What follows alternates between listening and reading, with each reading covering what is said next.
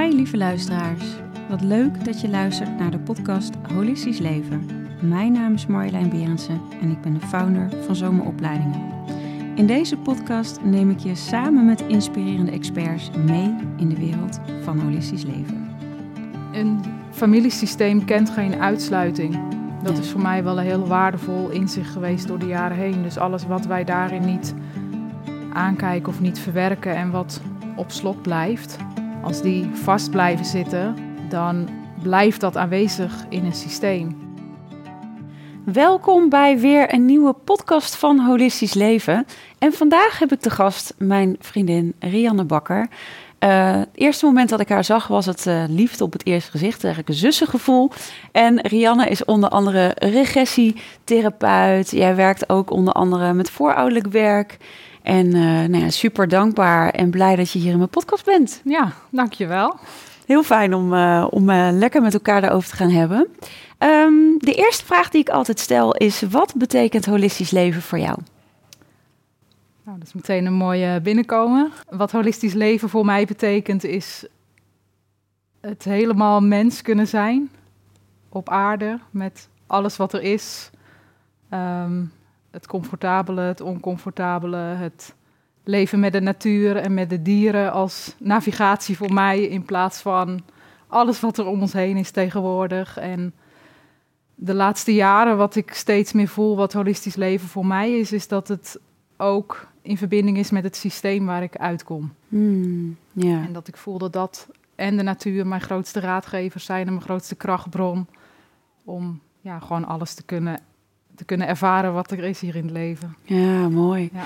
Hey, en, en neem eens mee naar hoe jij was tot waar je nu staat. Nou, als ik terugdenk aan mijn kindertijd, was ik al wel heel gevoelig. Ik denk dat dat iets is wat we vaak horen, gewoon van mensen in onze tijd. Gevoeligheid en ik was altijd veel buiten, me aan het verwonderen in de natuur. Ehm, ik was heel creatief, dus ik weet dat ik eh, ja, veel tekende en schilderde en aan het knutselen was. En, ehm, Soms had ik mijn poppen te pakken en dan ging ik die eh, beschilderen. dus ja, ik was wel, wel heel creatief vroeger al. Ja. En eh, En kon je die gevoeligheid kwijt ook? als ik erop terugkijk, niet altijd, nee. Nee. Ik heb daar nog wel eens later hele mooie gesprekken over gehad met mijn moeder. Dat ze ook zei van, al had ik toen geweten over hooggevoeligheid en ja, hoe dat is, dan had ik daar misschien wel anders mee omgegaan. Mhm. Niet in de zin dat ze daar niet goed mee om is gegaan of zo, maar gewoon meer bewustwording. Ja, van hoe- Ja. wat je nodig eh, zou Ja. hebben gehad. Want Ja. wat eh, heb je bepaalde studies gedaan of hoe? Ja, ik heb ehm, nou best wel wat studies gedaan. ik ben eh, vanaf mijn zestiende ben ik ooit eerst apothekersassistenten gaan studeren. Mhm. Toen overgestapt naar doktersassistenten. Ehm kwam daarachter dat het toch al veel baliewerk was. En Ja. ja. dat ik dat niet per se heel leuk vond. Nee. Toen ben ik verpleegkundige gaan doen. En uiteindelijk vanuit verpleegkundige overgestapt naar de SPW Ja. sociaal-pedagogisch werk, omdat ik dan zowel verpleegkundig of zeg maar het woonbegeleiding en activiteitenbegeleiding kon Ja. doen. Dus ik heb dat jarenlang gedaan op woongroepen met mensen met een verstandelijke beperking. Ik Hmm. heb binnen de psychiatrie gewerkt op Hmm. activiteitencentra en woonbegeleiding. En, ehm, regio Noord-Holland, uiteindelijk in Amsterdam een aantal jaren. En zo ben ik eh, ja, heel veel jaar in de hulpverlening actief geweest. En uiteindelijk ben ik ehm, iets heel anders gaan doen. Ik Ja. heb een eigen watersportbeidrag gehad, Ja. stand-up paddling. Ja. Dat ontstond eigenlijk vanuit een hobby. Ik was in Amsterdam met een collega gaan suppen een paar keer en eh, ik vond het zo leuk. En ik was altijd al een buitenmens, dus ik ben mijn eigen subschool gestart. Geweldig, ja. En ehm, ja, dat heb ik vijf jaar gedaan. Dus veel mensen gecoacht op het water, veel groepen gedraaid. En eh, ik merkte dat daar al de mooiste gesprekken ontstaan met mensen als je zo in de natuur bent met elkaar. Ja. En eh, dus dat is altijd wel weer teruggekomen, het stukje natuur voor mij en het buiten zijn. Ja. En ehm, uiteindelijk werd ik zelf ziek. En voelde ik dat het goed was om dat ook los te laten, Mhm. mijn subschool. Mhm. Superleuk, maar het was wel fysiek veel zwaar Ja. werk. Ja. En eh, nou ja, mede door mijn eigen ziekteproces ben ik toen eh, met het werk in aanraking gekomen wat ik nu doe. Het Mhm. regressiewerk gericht op voorouderlijke thematiek. Ja. En ehm, ja, dat is, daar ben ik zo op aangegaan in die tijd. Of in die tijden praat je over 2018, zo'n beetje die Ja, periode. vijf jaar geleden. Ja. Ja, ja. Ja. Ja. ja, misschien ook wel leuk om daar meteen iets over te delen. Want ja. ik heb natuurlijk wel van tevoren ook gedacht van... hé, hey, wat, wat wil ik gaan vertellen? En eh, ja, tot hoever wil ik dingen delen, zeg maar. Ik Mhm. heb eh, in 2018 een, eh, een borsttumor gehad. ja. Ehm, ja, en ik heb wel gedacht, ja, ga ik dat ter sprake brengen of niet? Want het zijn natuurlijk hele persoonlijke dingen. En tegelijkertijd merk ik wel dat dat voor mij het keerpunt is geweest waarom ik doe wat ik nu doe. ja. Want ik weet nog goed dat ik naar het ziekenhuis moest en dat ik allerlei eh, behandelingen moest gaan doen eigenlijk. Mhm. En dat ik dacht, ja, wat gek eigenlijk dat ik hier zit en dat ze helemaal niet vragen naar of ik stress heb, hoe het Ja. gaat met mijn emoties. Mhm. ehm, ja. Of ik misschien dingen heb opgeslagen in mezelf of hoe het met me gaat. ja. Hoe mijn slaap is, hoe, gewoon al die dingen wat juist het holistische is, daar werd helemaal niet naar gevraagd. En ehm, ik ben toen uiteindelijk transformatief coachopleiding gaan doen Mhm. en een ademopleiding. ja.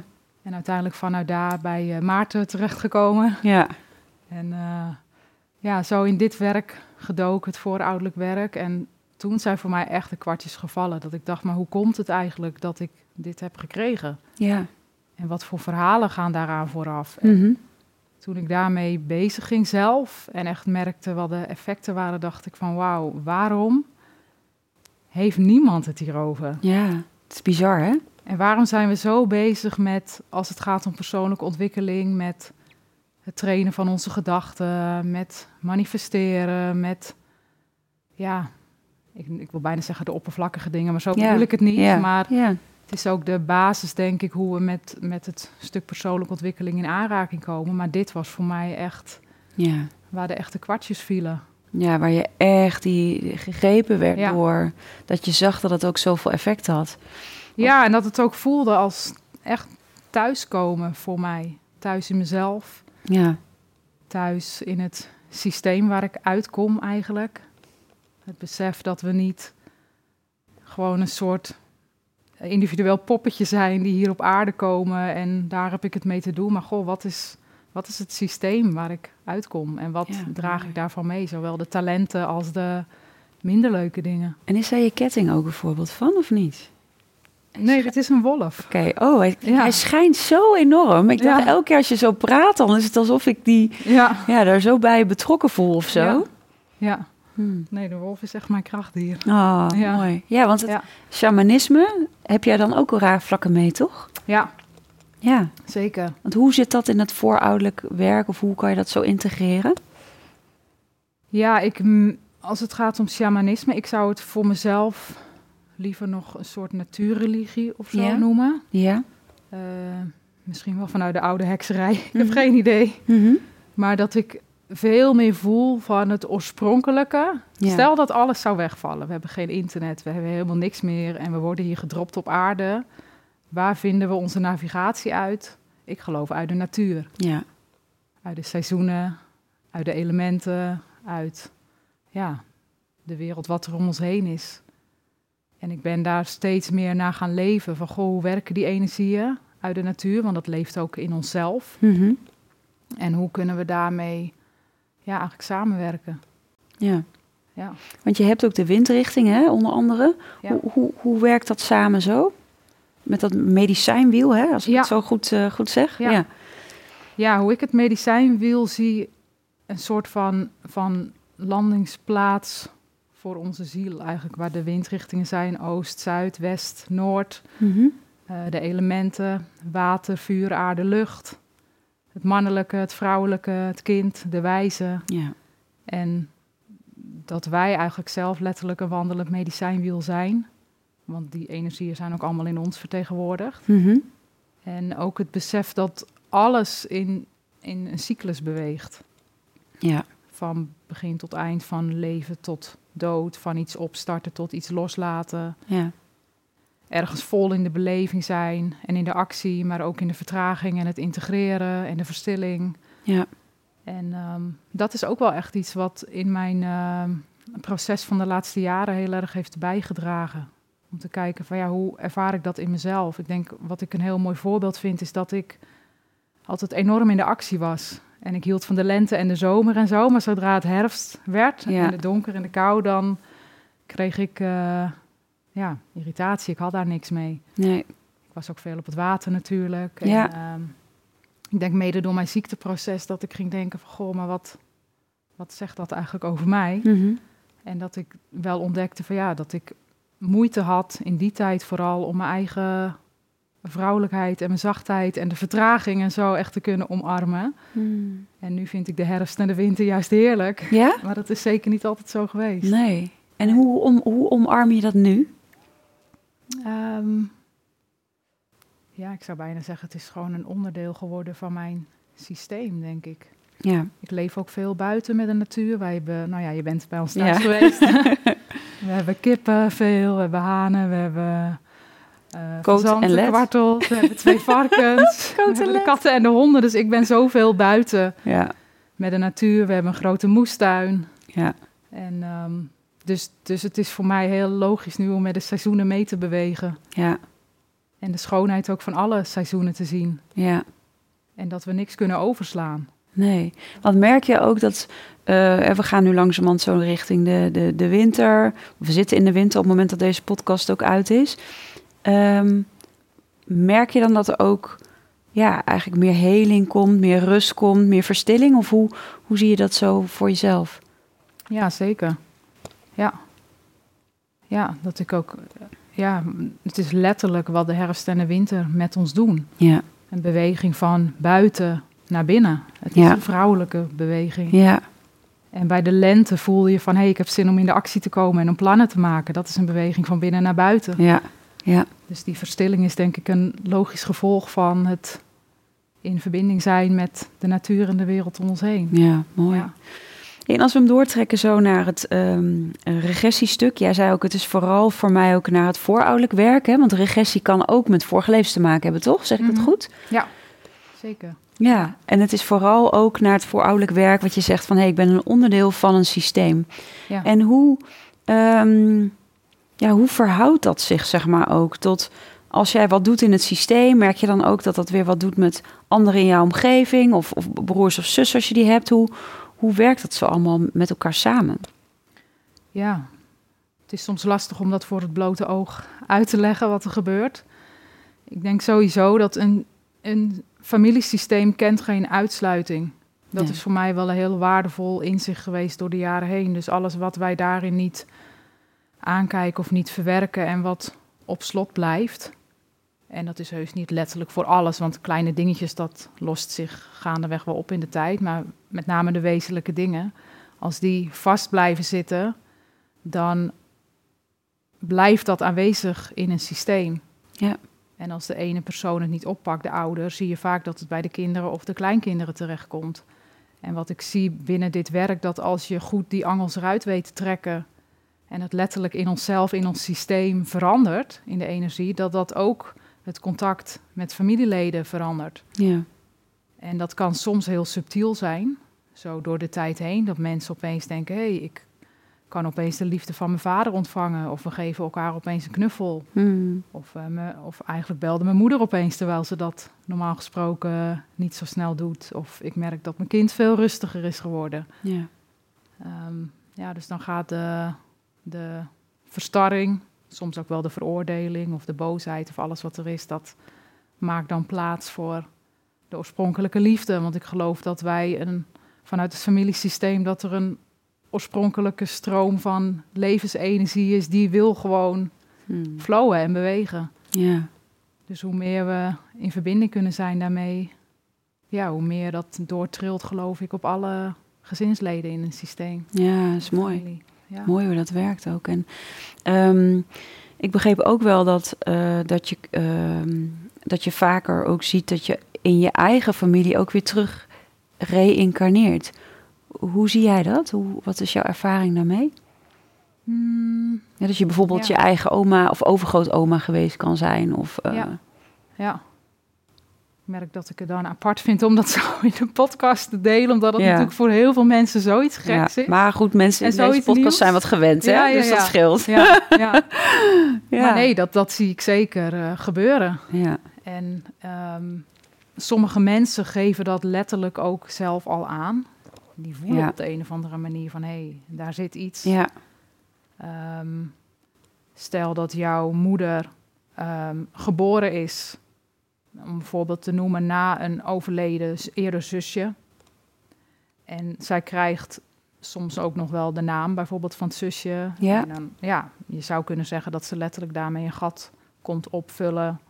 In het verdriet ook wat oma daarin heeft. En dat er heel veel verwikkelingen zijn. Dan kan het zijn dat, zo'n, dat de ziel van het overleden zusje eh, misschien wel schuldgevoel heeft of andere gevoelens van hé, hey, ik wil dit goed maken of ik wil erbij zijn. Of Mhm. dat zij dan besluit om bij ehm, de moeder, in dit geval dus het zusje dat na haar is geboren, weer terug wil komen ja, om iets te vereffenen. ja. Misschien leg ik het nu een beetje ja plat nee, uit. Ja, nee, nee, nee. En, dan, Ja. en dan, dan ben je eigenlijk die twee tegelijkertijd. Ja, dus dan kan het heel fijn zijn om te beseffen dat dat daarvoor heeft gespeeld. En dat dat nog in het systeem leeft, dat het nog actief is. En het kan best zijn dat zo'n, als jij als dochter incarneert dan bij je moeder, dat je het idee hebt van ik, ik kan nooit op eigen benen staan. Hmm. Of als ik mijn eigen pad ga, dan word ik iedere keer weer teruggezogen. Of ik voel me oververantwoordelijk voor mijn moeder. Of Hmm. weet je, er kunnen zoveel dan Patronen eh, zitten. patronen ontstaan. Ja, En op Ja. het moment dat mensen op een diepere laag gaan beseffen dat dit eronder kan zitten, en dat is natuurlijk contextbepalend en dat is voor iedereen verschillend eh, wat je daarin kan ervaren, maar dat kan zoveel opluchting geven. ja, ja. Ja, mooi. En je werkt ook vooral ook veel met, met ondernemers natuurlijk. Zie je dan ook bepaalde dingen eh, in combinatie met hun bedrijf? Ik kan me voorstellen van, ja, het is een reden dat je met ondernemers natuurlijk veel werkt. Wat, Ja. wat zie je ver- in de verhouding met, ja, je zou kunnen zeggen, een, een, bedrijf heeft ook een ziel, toch? Mhm. Heeft ook een energieveld, heeft ook Ja. een, hoe zie je dat? Ja. ja, wat ik vooral zie binnen een bedrijf, dat het succes van het bedrijf, en nou kan je al gaan denken, oké, wat is dan succes? Dat is voor iedereen verschillend.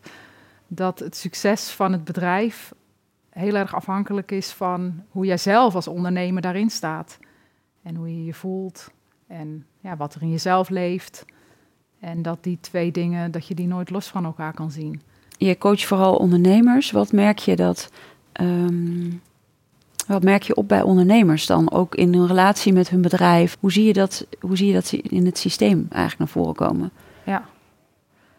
Wat ik sowieso leuk vind, wat me nu te binnen schiet, is als je het hebt over het medicijnwiel van het, het geven en het ontvangen, het actie en het integreren, het, het spelen, maar ook het mentale, dat die elementen zijn altijd in verbinding met elkaar.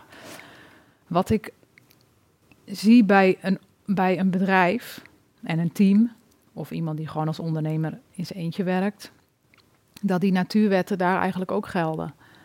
Dus het kan best zijn dat een, een, een team of een bedrijf heel erg geneigd is om altijd maar in de actie te gaan, alles vanuit het hoofd te willen bedenken en zo dat eh, uitknijpen in jezelf ten opzichte van ook het kunnen vertragen en daardoor kunnen zien wat er gebeurt.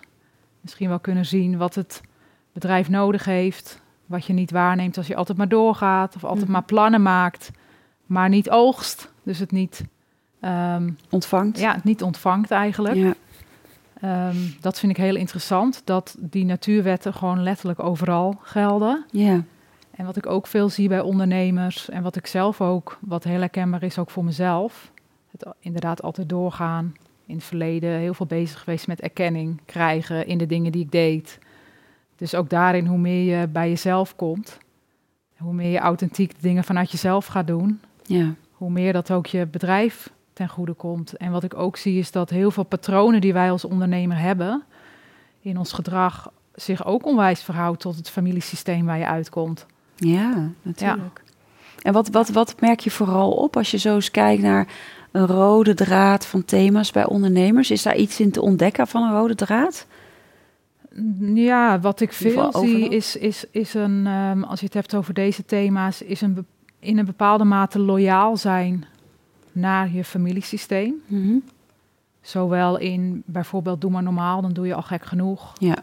Eh, blokkades hebben op het eh, ontvangen van geld. van het, het mag mij niet beter gaan dan mijn ouders Hmm. op een diepere laag. Ja. Om een voorbeeld te noemen. Hè? Ja. Dus op het moment dat zij lekker gaan en de flow zit erin en het gaat goed, dat er dan iets gebeurt waardoor ze zichzelf saboteren en weer terugvallen Ja. Omdat ze op een diepere laag ervaren dan van... hé, hey, daar ga ik misschien wel iets overstijgen of zo. Wat, Ja. En dan ben ik niet meer loyaal aan iets wat, wat altijd is geweest. Ja. Wat nog steeds in stand wordt gehouden. Ja. Ja, Ja, dat kan natuurlijk inderdaad. En ehm, ehm, ja, mooi. Als je dat dus los maakt, dan gaat het natuurlijk ook weer stromen. Ja. Hoewel het ook weer is dat dat medicijnwiel natuurlijk ook, wat je zegt, hè, er zijn dus momenten dat een bedrijf even wat minder gaat om dus Ja. weer, nou ja, eigenlijk tot, tot, tot zijn kern te komen, ja, te integreren en door te gaan, toch? Zo, eh, ja. ja, en het hoeft zelfs niet eens zo te zijn dat je daardoor letterlijk minder gaat. Maar de momenten van het, het, het oogsten en het echt ontvangen. En het Ja. ontvangen van dat wat je doet. En daarin kunnen vertragen om te zien van hé, hoe gaat het? Wat hebben we nodig? Waar willen we naartoe? Gaat het goed? Dat is net zo belangrijk als het, als het saaien maken Ja. plannen zijn en Ja. vol in de actie En zijn. Wat natuurlijk heel vaak lekker is. Ja. En wat we in deze, nou ja, in Nederland en in de westerse wereld waarschijnlijk ook veel beter kunnen dan. eh, Ja, dan die vertraging ook. ja. Nou ja, en het is ook mooi ook om, om dat mee te geven, denk ik ook aan ondernemers. Het is natuurlijk altijd maar door, door, door, door, door, doen, doen, doen, doen. Ja. Eh, ja, en daar zit dus loyaliteit als een thema vaak onder. Wat zie je nog meer daarin? Nog andere thema's die je vaker terugziet? Mm, erkenningsbehoeften. Mhm. gezien willen worden. En dat hebben we natuurlijk allemaal wel in een bepaalde mate. Het is ook, ja, we zijn eh, zelf eigenlijk ook dieren natuurlijk. Dus we zijn groepsdieren, laat ik het zo zeggen. We hebben elkaar nodig. Dus het is heel goed om ook van anderen een bepaalde mate van erkenning of complimenten te krijgen. Mhm. Maar het overmatig behoefte hebben aan erkenning Ja, is ook wel iets wat ik veel zie. ja, Ja, ja. Ja, mooi. Ja, mooi, mooi om deze thema's. Want en is ook een reden dat je vooral ook de ondernemers eh, eh, coacht. Dus dat is daar een reden voor. Was benieuwd naar. Gewoon de Ja. hoor. ja, ja. Ja, ik denk toch wel. ehm, sinds ik zelf ben gaan ondernemen, dat is al zo'n tien jaar geleden of zo, voelde ik dat ik daarin helemaal op mijn plek kwam. In het zelf kunnen bepalen, ehm, ja, hoe ik mijn leven vorm wil geven op werkvlak. Helemaal mijn eigen creatie van kunnen maken. En ik zie wel bij ondernemers, ja, er is toch wel een bepaalde moed voor nodig Ja, om dat te doen. Om helemaal daar in je eigen pad te lopen. En er is zoveel informatie en dingen tegenwoordig. En we kunnen van alles zien van elkaar op social media. Wat ons ook vaak weer misschien onzeker kan maken. Of van ons eigen pad af kan trekken. En ik, ehm, ja, ik vind dat echt heel fascinerend. Hoe we als ondernemer zo onze eigen creatie de wereld in kunnen zetten. Iets wat helemaal vanuit jezelf komt. Mm. Dus ik heb daar wel een extra passie voor, Ja. denk ik. ja, Ja. mooi. Ja. mooi. Heb je een voorbeeld van eh, iemand in de praktijk waar je echt op terugkijkt van, oh ja, dat heeft echt heel veel gedaan voor regressie. Ja. ja, ik heb vorig jaar gewerkt met een dame die eh, bij mij in de praktijk kwam. Zij heeft twee eh, kinderen, twee zoontjes. En ehm, bij het eerste zoontje is zij bevallen eh, met een keizersnede. En bij de tweede bevalling moest ze al naar het ziekenhuis sowieso. En ze was bezig met de bevalling al. Eh, maar na een aantal uren werd ze helemaal niet goed en ze trok wit weg. En ehm, ja, eigenlijk snel de artsen erbij. En toen bleek dat haar eh, litteken, haar keizersnede van binnen in haar buik was opengescheurd. En dat hebben ze ja, eigenlijk te laat doorgehad. Waardoor zij ook de tweede keer met een keizersnede moest bevallen. Mm. Maar zo onder de pijnstilling zat zelf onder de morfine dat zij iets van zes uur van de bevalling niet heeft meegekregen. Mm. En daarna ehm, ja, eigenlijk niet meer kon slapen s'nachts. Veel paniekaanvallen had, hyperventilatie, ehm, extreme angst om haar kinderen te verliezen. Dus eigenlijk helemaal niet meer lekker in haar vel zat. Eigenlijk ook niet meer echt zin had om dingen te doen buiten de deur. Mhm. Dus ik kwam ook in de ziektewet terecht. En zij kwam bij mij, ehm, ja, meer van, kun jij iets voor me doen? Mhm. En we zijn daar met een eh regressiesessie dieper op ingegaan. Echt op die bevalling en de herbeleving daarvan. Mhm. Met als resultaat dat ze daarna eigenlijk meteen alweer lekker kon slapen. Hmm. En eh, ja, geen hyperventilatie en paniekaanvallen meer had. En wat ik heel mooi vond, is dat ze de, vo- de volgende keer dat ze bij me kwam ook aangaf van... Mijn buik voelt nu leeg. Hmm. Mijn lichaam en mijn baarmoeder die snappen nu dat, dat er geen kind meer in mijn buik zit. Zo, Ja, nagaan. Dus, Ja. dus dat hou je dus in je, Ja. in je cellen of in je energieveld Ja. gewoon een soort van vast. en dat vind ik ook wel het mooie, dat, dat de mensen die bij mij komen vaak hun eigen verhaal wel vertellen. En dat door wat zij mij teruggeven, ik zelf ook weer bijleer. Ja, ja. Van ik weet dat ons lichaam heeft bewustzijn. Mhm. Onze organen, al, al onze lichaamsonderdelen, die, hebben, die dragen ook bewustzijn. Mhm. En ergens weet ik dat wel, Ja. maar door dat in die situatie zo terug te horen, dan gaat het voor mij ook nog meer leven. ja. Ja, magisch hoe het Ja. sa- samenwerkt, hè? ja. Ja. ja. ik zou zo graag zien dat, dat de alternatieven en de medische wereld daarin veel meer samen zouden werken. Mhm. Want ja, het medische is natuurlijk ook belangrijk, hè, als we ons been breken of als we, als we heftige dingen meemaken. Ja. Maar dit soort dingen zouden wat mij betreft nog veel meer aandacht mogen krijgen. Ja. Hoe Ja. dat werkt in de e- hoe, dat, hoe het doorwerkt in de En energie. energie. Ja. Ja, ja, mooi. eigenlijk ook weer het hele holistische Ja. natuurlijk. Ja. Even een kleine break tijdens de podcast Holistisch Leven. Nieuw namelijk bij Zomeropleiding is de opleiding tot spiritueel coach. Waarbij je jouw unieke, intuïtieve en mediamieke gaven in kan zetten om mensen te begeleiden naar meer bewustwording. Wil je ook bijdragen aan een nieuwe wereld en wil je aan de slag met heling, multidimensionaliteit en spirituele groei? Kijk dan op www.zoma-opleidingen.nl voor onze locaties en startdata. En we gaan nu gauw weer terug naar de podcast. Ehm lieve Rian, we gaan een kaartje trekken. Ja. Je mag een kaartje trekken en eh, de vraag die erop staat mag je voorlezen en beantwoorden. ja.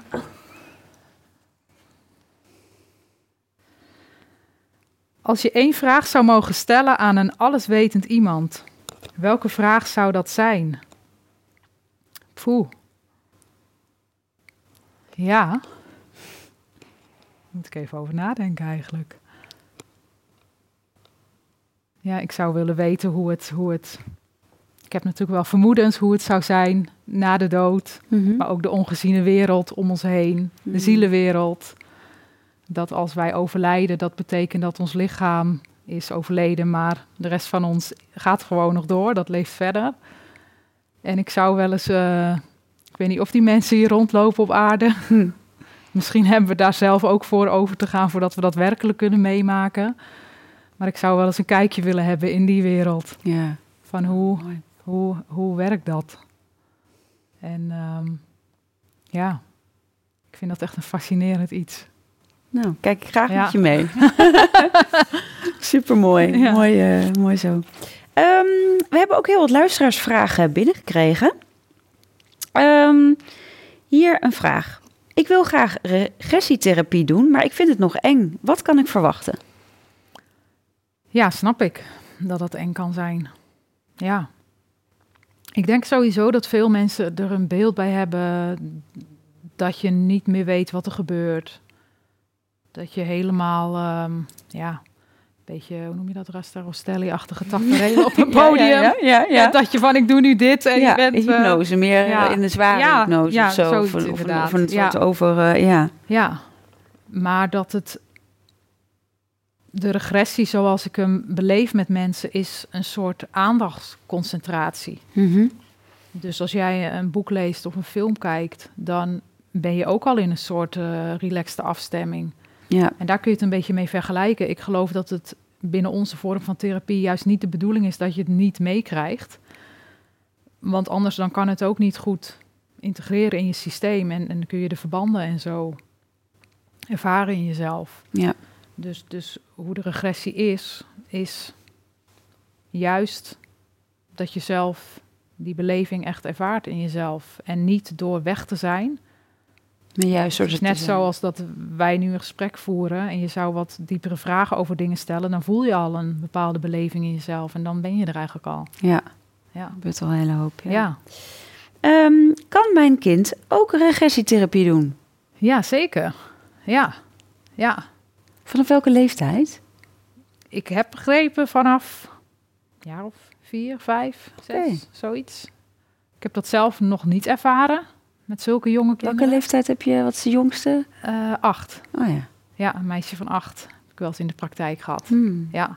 Wat ik heel leuk vind in het werken met kinderen is dat ze mij ook juist in mijn kind trekken. Hmm. Dus, dus in de, met kinderen word je veel meer uitgedaagd om creatieve vragen te stellen. En Ja. Ja. het op een hele speelse, creatieve manier aan te pakken. En kinderen over het algemeen, die kunnen hier nog veel makkelijker verbinding mee maken. Ja, ja, het is makkelijker, ja. Veel minder in hun hoofd. En in, Maar wat voor thema's- Allemaal wel. Wat voor thema's zag je? Ja, je hebt dan een kindje van acht gehad, maar wat Ja. voor thema's kun je aan denken bij kinderen bijvoorbeeld dan? Mm, ja, extreme boosheid. Ehm, dit kindje die ehm, eh, wilde niet meer goed eten. Ze wilde niet meer onder de douche, bijvoorbeeld. Ze was bang s'nachts, dus ze had allerlei eh, onverklaarbare angsten. in Bedplassen misschien? Ook? Ja, ook bijvoorbeeld. Ja, Verdriet, wat Verdriet. onverklaarbaar is? Of, ja, eh, ja. Precies. is eigenlijk Ja. een beetje onverklaarbare dingen Ja. die je niet uit dit leven kunt, eh, niet kunt relateren. Ja. Of angst voor kleine ruimtes of zoiets. Ja, precies. Ja. Ja, en veel gedrag wat, wat de ouders dan bestempelen als... hé, hey, dit, dit mag er niet zijn of dit moet Ja. opgelost worden. En vaak zie je eigenlijk dat de ouders juist mee moeten komen... omdat Ja. ik geloof dat een kind geen eh, wezenlijke dingen in zichzelf kan ervaren... zonder dat het zich verhoudt tot vader en moeder. Ja. Die spelen altijd een rol. Ja. Ja, ja, dus dan zie je ook vaak een sessie met vader of moeder, of misschien wel met allebei. ja, Ja. ja. Vooral als er kleine kinderen komen, dan wil ik juist altijd dat in ieder geval een van de ouders meekomt. Ja. Ja.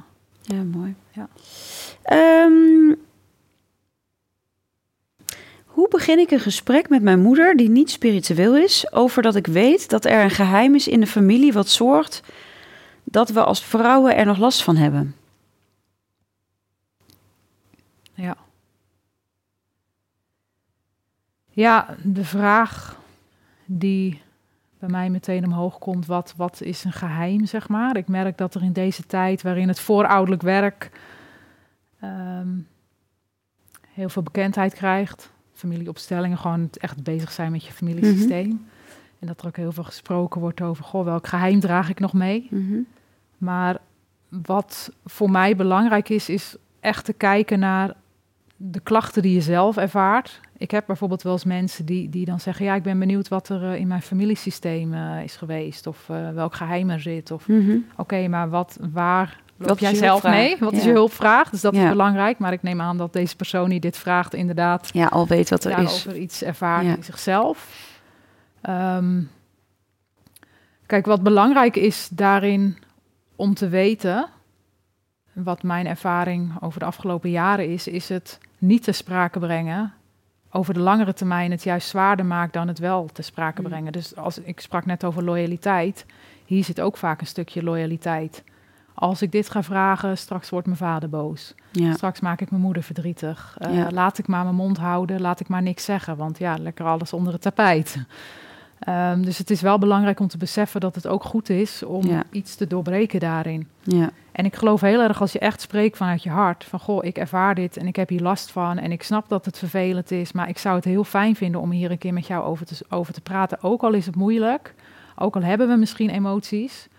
Maar die emoties zijn er toch al. ja, het Maar zit er nu, ja, alleen in een onderstroom, maar wel voelbaar. Ja. ja. Ja. Ja. Dus vanuit je hart spreken en, en vanuit... Het, het is vanuit liefdevolle intentie natuurlijk. Ja, dat Ja. zit er inderdaad. eh. En wat is jouw persoonlijk mooiste inzicht van of door regressietherapie?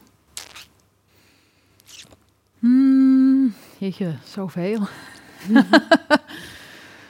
ja, nou, ik denk, dan kom ik terug op wat ik al eerder zei, dat, dat wij kunnen onszelf nooit als individueel poppetje zien. Wij zijn altijd onderdeel van, van een systeem. En ons familiesysteem daarin als belangrijkste systeem. Dus we kunnen er nooit niet mee in verbinding staan. Nee. En dat is voor mij zo'n inzicht geweest in het kijken naar klachten in onszelf. Hmm, Dat, dat als ik iets ervaar van oké, ik, ik kan allerlei tools en technieken gaan inzetten. En ja, dat helpt. Ik doe dat zelf ook en het is heel mooi. Maar dat in een groter systeem daarnaar kijken, dat is wel mijn grootste inzicht geweest in de, in de regressietherapie. Door keer op keer te zien wat voor verlichting dat brengt voor mensen. Ja, het is allemaal met elkaar verbonden. Ja. Maar ja. Ja. Eh, ik droom al jaren dezelfde droom. Kan dit met een vorig leven te maken hebben? Want de droom kan ik totaal niet relateren aan mijn huidige leven. Ehm, ja, ik zou zeggen ja. Ja, zeker. Ja. En dan zou ik vooral benieuwd zijn wat de droom is en wat Ja, er dan dat dacht ik gebeurt. ook. En, Is dat eh, ook al zo? Het is jammer dat er niet bij die niet Ja. uitleg bij staat. ja, voor degene die de vraag heeft gesteld, stuur me even een berichtje. ja, Het is precies. leuk om over te spreken. Ja, Ja, ja. ja. ja. zeker. Ja, je kunt er Ja. heel veel dingen uithalen. Ja. Uit, eh, Nou, in het geval van het meisje wat ik net noemde, die, die had dus ook steeds terugkerende dromen over een bepaald thema. En dat, die thema's heb ik wel, dat was voor mij wel de ingang in die sessie toen. ja. Ja. Ja. Ja. ja, dat is echt Ja, het, zeker. het eerste draadje met een soort van Ja. waar je aan begint en dan eh, komt, kom je tot de kern. Ja. Mooi. Ehm, wat is het verschil tussen regressie en reïncarnatie? Ehm, bij regressie, regressie betekent eigenlijk letterlijk teruggaan.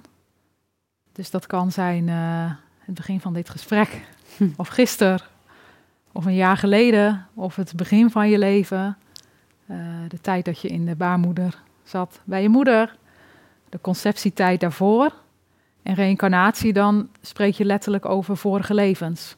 Dus het is nog steeds regressie, alleen dan nog verder terug. Ja. Ja. ja. Ja, mooi. Ja. Mooi antwoord. Heel Ja. fijn. Ehm, wat is er zo krachtig aan het hele van je vrouwen- en je mannenlijn? dat je daarbij je oorspronkelijk potentieel weer gaat voelen.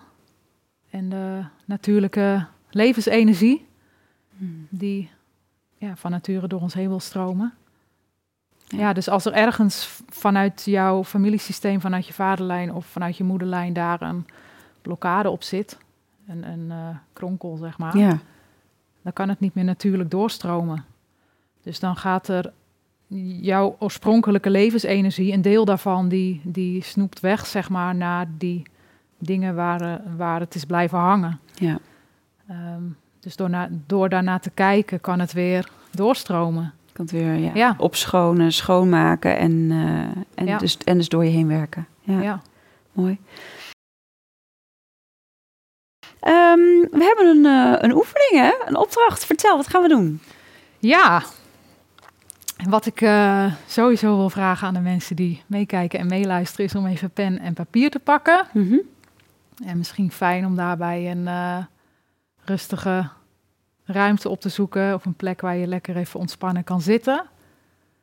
En dan is het fijn om even een paar keer lekker adem te halen en Mhm. verbinding te maken met je lichaam en met het moment.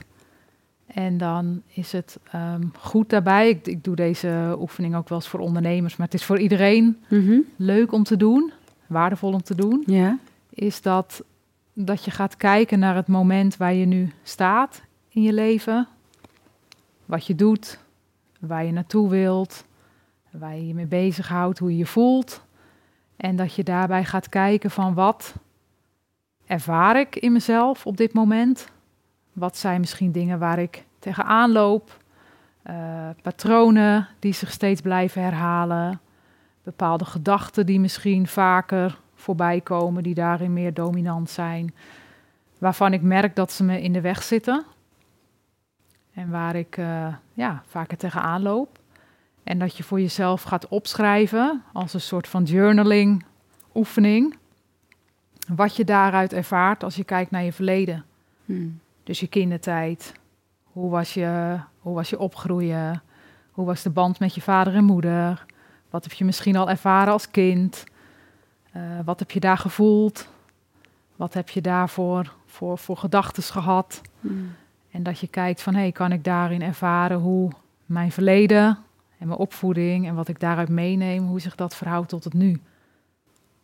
Mooi. Dat, eh, ja, kan ik iedereen aanraden om eens een keer heel bewust bij stil te staan. Ja, dus het is eigenlijk ook echt wel een soort van bijna een soort van ja, puzzeltjes ook zien. Misschien puzzelstukjes in elkaar leggen van nou ja, wat maakt dat me nu zo gevormd heeft tot waar ik nu sta. En waar ik vandaan kom en of je kan die relaties ook onderling kunt zien, hè? De, de verbindingen onderling kan zien. Ja. En ik merk over het algemeen dat daar vaak nog wel weerstand op kan zitten bij mensen. Ja. Ja, ik leef toch nu en eh, ik moet vooruit en uh, heb ik allemaal geen behoefte aan. Het verleden laten we met rust. En, en ik denk dat is ook zeker niet hoe ik het bedoel, van dat je daar constant mee bezig hoeft te zijn. Dat doe ik zelf ook heus niet. Um, maar door er niet naar te kijken, geloof ik ook weer dat je een heel deel laat liggen. Ja. Waar heel veel antwoorden te vinden zijn. En als mensen het zo hebben opgeschreven, Rianne, wat kunnen ze er dan mee? Ja, dus je hebt zo die patronen, je hebt zo die. Uh, ja. Je hebt dan inzicht inderdaad. Ik zou allereerst zeggen dat als er dingen zijn die je opvallen, um, daar letterlijk een keer het gesprek over aan te gaan. Mm -hmm. Met je vader en moeder. Dat is ook wel leuk om te vertellen. Ik heb zo vaak in de praktijk dat, dat mensen mij dingen vertellen en dat ik vragen stel en dat er dan een verhaal naar boven komt. Mm -hmm. Thema's die we bespreken. En dat ze het zo mooi en duidelijk aan mij kunnen uitleggen. Ook vanuit hun gevoelswereld en hoe ze dingen beleefd hebben. En dat ik wel eens vraag van, goh, heb je dit eigenlijk wel eens zo thuis besproken? Mm -hmm. Nee, nee, dat, uh, nee, dat, dat ga ik niet doen. Of, nee. uh, ja, dat ik denk, joh, ja, jammer. Ja. Want ja. daar valt zoveel te halen. En zoveel verbinding juist weer te maken. En hoe zit het met mensen die hun ouders niet meer hebben? Hè, dus stel dat je nu pas uh, je ouders zijn al overleden en je hebt nu interesse in je familiesysteem of in, in dat voor, die voorouderlijn. Ja. Wat je kun je natuurlijk niet meer testen of checken. Ja. Als je misschien ook geen broers of zussen hebt, of die hebben misschien die herinnering niet. Hoe, ja. Wat raad je daarin aan? Ja, de grap is eigenlijk van, is het werkelijk zo dat we het niet meer kunnen testen? Mm -hmm. Want als je het hebt over energie en ons zielenbewustzijn en dat we hebben nu dit fysieke lijf, maar wij zijn meer dan dat. Mm -hmm. Dus ook als je ouders niet meer letterlijk fysiek hier op aarde zijn, je bent nog steeds met ze in verbinding ja. en zij met jou. Dus in dat geval zou ik zeggen, creëer ook weer een lekker rustig, ontspannen moment voor jezelf. Misschien wat kaarsjes of muziek, of in ieder geval een sfeer die je fijn vindt. En, en ga maar je aandacht uit laten gaan mm. naar je ouders. En ga mm. maar de verbinding proberen te maken. Mm, mooi. Of misschien dan een keer met een vriendin een gesprek aangaan waar je je heel vertrouwd en fijn bij voelt. En, en vragen van, goh, zou jij mij dieptevragen willen stellen? Of, of ja, bepaalde onderwerpen bespreken. Waardoor ja. je merkt dat je ook op die diepere lagen ja. uit kan komen. En natuurlijk ja. ook uh, ja, andere familieleden misschien. Ja, en wat kan ik. Van je moeder of, of ja. Ja, want ik, ik, ik denk dan ook aan, aan kinderen die uh, geadopteerd zijn. Weet je, dat, dat, kan ik me voorstellen dat het voor hun ook soms best lastig is. Weet je? Die weet niet, weten misschien niet eens waar ze van, ja, wel, wel klanten vandaan komen, maar verder niet. Ja. En dan heb je natuurlijk ook weer te maken met hele andere systemen dan, dan wat we hier hebben gehad met ja. Uh, onze voorouders die hier de Tweede Wereldoorlog hebben meegemaakt. En um, de, alles, alles wat ze hier hebben ervaren, dat zijn ook wel grotere thema's. Hè, wat we in ja. het boek van Maart kunnen lezen. Maar stel je wordt, um, ik noem maar wat uit Chili of zo, uh, geadopteerd. Ja, dat, dat, is ook, dat, dat zijn die thema's, zijn veel onduidelijker ook. Wat daar ja. collectieve thema's waren van het volk. Ja. Hoe, hoe, hoe zie je dat? Nou, ja, dan lijkt het mij sowieso interessant voor die mensen om daar ook weer naar te gaan kijken. Ja. Goh, hoe, hoe, hoe, is daar, hoe zijn daar de, de leefomstandigheden geweest? Welke thema's spelen daar als je het hebt over collectieve dingen? Ja, toch? Ja. En um, kijk, in de, in, in de, tijdens de conceptie en de zwangerschap en zo van je moeder heb je al, krijg je natuurlijk al die belevenissen ook al mee. Ja. ja. Dus, dus dingen die daar collectief spelen zijn opgeslagen. Ik kan me voorstellen dat het heel interessant is voor diegene om eens te kijken van, goh, maar hoe, hoe, hoe ziet het land daar eruit en wat speelt daar? En misschien ga je dingen herkennen van jezelf. Ja, juist om daar misschien wel echt fysiek heen te gaan ook, bedoel je? Ja, of, kan ook, uh, ja. zeker. Ja. ja. ja waar het veilig is. En, uh, ja. Uh, mijn roots vanuit twee kanten ligt, ligt er ook wat op Java, Indonesië. Mijn beide opa's hebben 60 kilometer van elkaar af gewoond. Kenden elkaar niet in, in de tijd toen. Um, maar ik voel ook een hang om uh, naar Indonesië te trekken. Om net gewoon te voelen, te downloaden, te klikken. Ik voel dat het me ja. trekt. Het moment is er nog niet geweest. Ik ben wel Bali geweest, maar niet op Java. Ja, um, ja om, om, om een soort van ook ja, dat weer in te klikken of zo ja. in je systeem. Ja, ja. Want wat ik wel, is misschien wel mooi om te benoemen, wat ik wel vaak zie bij mensen die geadopteerd zijn, mm -hmm. is dat als jij daar bij je moeder op aarde komt, via haar lijf en via haar systeem, en daar Mhm. kies jij om ter wereld te komen, en jij wordt bij je moeder weggehaald, Mhm. dat is vaak al super traumatisch Ja, voor kinderen. ja, ja, Dus dat scheidingsmoment. En dan ga je zelf naar een ander land, Nederland in dit geval. Maar vaak zie je dat een deel van jezelf, laten we het een, een zielsdeel noemen, noemen, achterblijft. Bij mama, bij de plek daar. Mm. Dus ik kan me heel goed voorstellen als mensen daar naartoe teruggaan, dat ze ook daarmee weer een stukje van zichzelf integreren Oh. in zichzelf. Ja, wat mooi. Ja. Wat mooi. Ja, ik krijg kippenvel. Ja, ik ook. nou ja, ik ook. Ik denk dat dat Ja. voor mezelf, ook als ik kijk naar Indonesië, is niet te vergelijken met deze situatie. Maar wel eh, dat het niet de keuze van mijn opa's was om naar Nederland te gaan. Maar het was ook gedwongen natuurlijk Ja. vanuit de oorlog. Precies. Zij zijn ja. er allebei geboren. Ja, dus Weet zij je? laten ook een stukje eigenlijk achter van Ja. zichzelf daar. En, En als zij dat niet aankijken of hebben aangekeken, dan gaat dat generatie op generatie door. Totdat iemand het natuurlijk wel aankijkt. ja. Nou, als je gaat, laat het weten. Ik laat het je mee. Ja. Oh, heb je ook roots liggen? Ook? Nee. Eh, nee, maar gewoon nog bij mij. Oh ja, dat is goed. Ja, ja, ja, heel leuk. Ja, heel graag zelfs.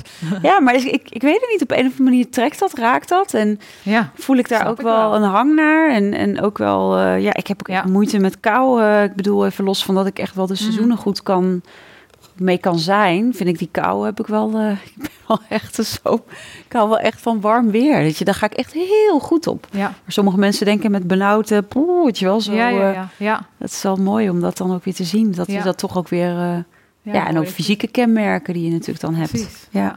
Ik heb echt de Indische duim, kijk. Wow. zie je dat? Ja, hypermobiel.